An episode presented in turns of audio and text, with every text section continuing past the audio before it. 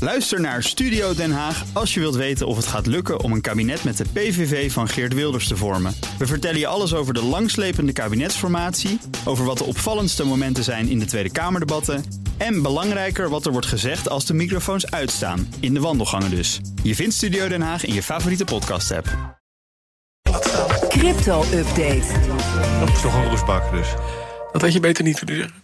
Herbert Blankenstein is bij ons, presentator van BNR's CryptoCast... ons programma over bitcoin en andere digitale coins. Herbert, goedemorgen. Goedemorgen, heren. Nederland staat alweer eens in de top 10 van duurste landen... om bitcoin te minen ditmaal. Ja, waarin een klein land groot kan zijn. Ja. Het is eh, onderzoek van CoinGecko. En de vraag was: wat kost het aan stroom als je een miningmachine aan het werk zet tegen de elektriciteitsprijs voor consumenten? Mhm. Eh, in Nederland zou dan één geminde bitcoin. eh, 138.000 dollar kosten. Dat is meer dan die waard Dus is. Ruim vijf keer vijf bitcoins. Mag u hier afrekenen? Ja. En Nederland staat daarmee op de achtste plaats tussen Litouwen en het Verenigd Koninkrijk. Grote winnaar is Italië. Daar kost één bitcoin, mi- één bitcoin minen met consumentenprijzen meer dan 2 ton. Oh, bedankt. Ehm, toch kun je trouwens in, in dat soort dure landen rendabel minen. Hoor. En, dat, Mhm. en dat gebeurt ook, ook in Nederland. Dan moet je namelijk naast het minen de warmte van je miningcomputers verkopen, bijvoorbeeld. Of je maakt gebruik van negatieve elektriciteitsprijzen die we soms hebben. Dus als je slim bent, dan kan het toch. Precies. Maar de grote eh, grap is natuurlijk: zorg, zoek een land op waar de energieprijzen veel lager liggen. Wat zijn de goedkoopste Ja, precies. landen? Waar kun je lekker minen? Nou, je moet naar Libanon, Bas. Eh, daar- Oei, ja, dat is kost wel- ook een, een mooi bitcoin aan, elektrici- ja, aan elektriciteit eh, 250 dollar. Oh. Eh, dan heb je Iran en Syrië en ook Ethiopië, Soedan en Libië. Dan hebben we de top 6. Allemaal prijzen ver onder de 3000 per, eh, dollar per gemijnde bitcoin. Ja, en Heel bijna grappig al- vind ik dat. Ja. Wat zei je? Bijna allemaal ook instabiele landen, behalve Libanon. Maar dat terzijde. Ja, en dat Ja. zijn landen waar je niet wil zitten. Daar wil je niet minen. Eh, wel in de VS. Dat is het grootste miningland ter wereld op dit moment. Maar het staat niet in de top 10. Dat is leuk. Ehm, en hoe komt dat? Omdat eh, in de VS de doorslag geeft dat miners hele goede deals kunnen sluiten met bijvoorbeeld elektriciteitsbedrijven. Die zijn dan voor beide partijen interessant. En dan eh, gebruiken de miners vooral de overschotten en ze zetten de boel uit als er heel veel andere vraag is, bijvoorbeeld van airco's. Gaan we naar een ander verhaal. Een nieuw rechtbankdocument beschuldigt Craig Wright van diefstal. Dat is de man die beweert dat hij de uitvinder is van Bitcoin. Ja, een hele vervelende gast. Eh, die spant links en rechts kansloze rechtszaken aan. Ehm, maar wel belangrijk om hem serieus te nemen, toch? Want hij zal er maar per ongeluk één winnen. En zeker als je de aangeklaagde bent, dan is dat het geval, de tegenstander.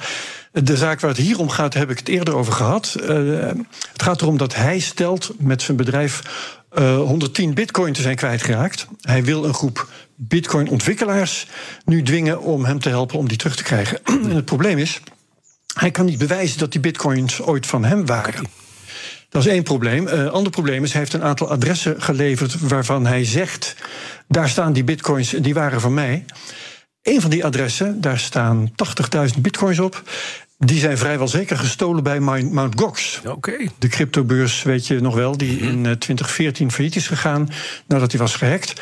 En het document dat maandag is ingeleverd eh, door de verweerders, dat zegt.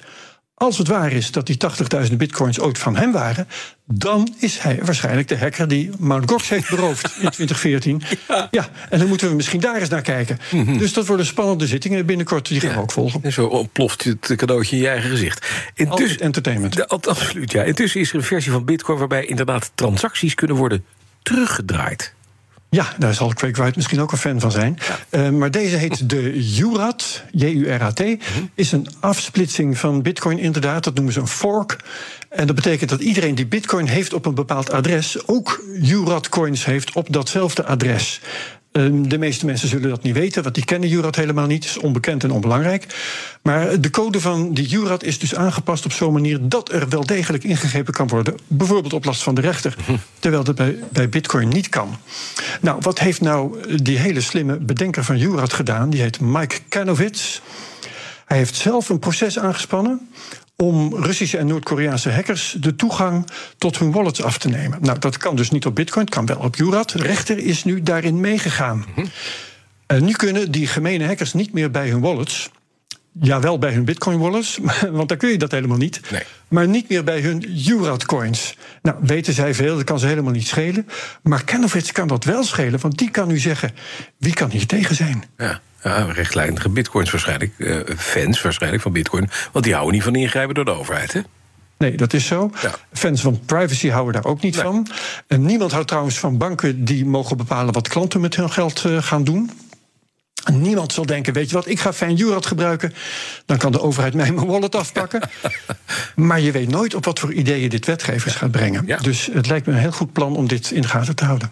Dan nog eventjes in slot. Wat zit er in de CryptoCast deze week? We hebben Open Food Chain, dat is een eh, club die informatie over voedingsproducten in een blockchain wil opnemen. Of dat voedsel verantwoord is geproduceerd, bijvoorbeeld. We hebben initiatiefnemer Marieke de Ruiter de Wild, die vertelt over de vorderingen van de afgelopen twee jaar in sappen, in olijven, in burgers, garnalen ook. En nog veel meer. En als je zegt. Ik zie daar niks van terug in de supermarkt. Dan klopt dat, want ze legt uit dat ze de consument er niet mee wil gaan lastigvallen. Het is allemaal B2B. En we eh, moeten dus gewoon vertrouwen op merken dat Ja. die dat allemaal goed doen als ze die blockchain maar gebruiken. Nou, interessant gesprek met blockchain-expert Jacob Boersma als mijn co-host. Dankjewel, Herbert Blankenstein. Alle afleveringen van de CryptoCast zijn te horen via de BNR-app, bnr.nl of de podcast van je voorkeur. De crypto-update wordt mede mogelijk gemaakt door Bits, de Bitcoin-spaardienst van Bitonic. Bij BNR ben je altijd als eerste op de hoogte van het laatste nieuws. Luister dagelijks live via internet. Bas van Werven. En heel langzaam komt de zon op rond dit tijdstip. Je krijgt inzicht in de dag die komt op BNR, het Binnenhof in Nederland en de rest van de wereld. De Ochtendspits. Voor de beste start van je werkdag. Blijf scherp en mis niets.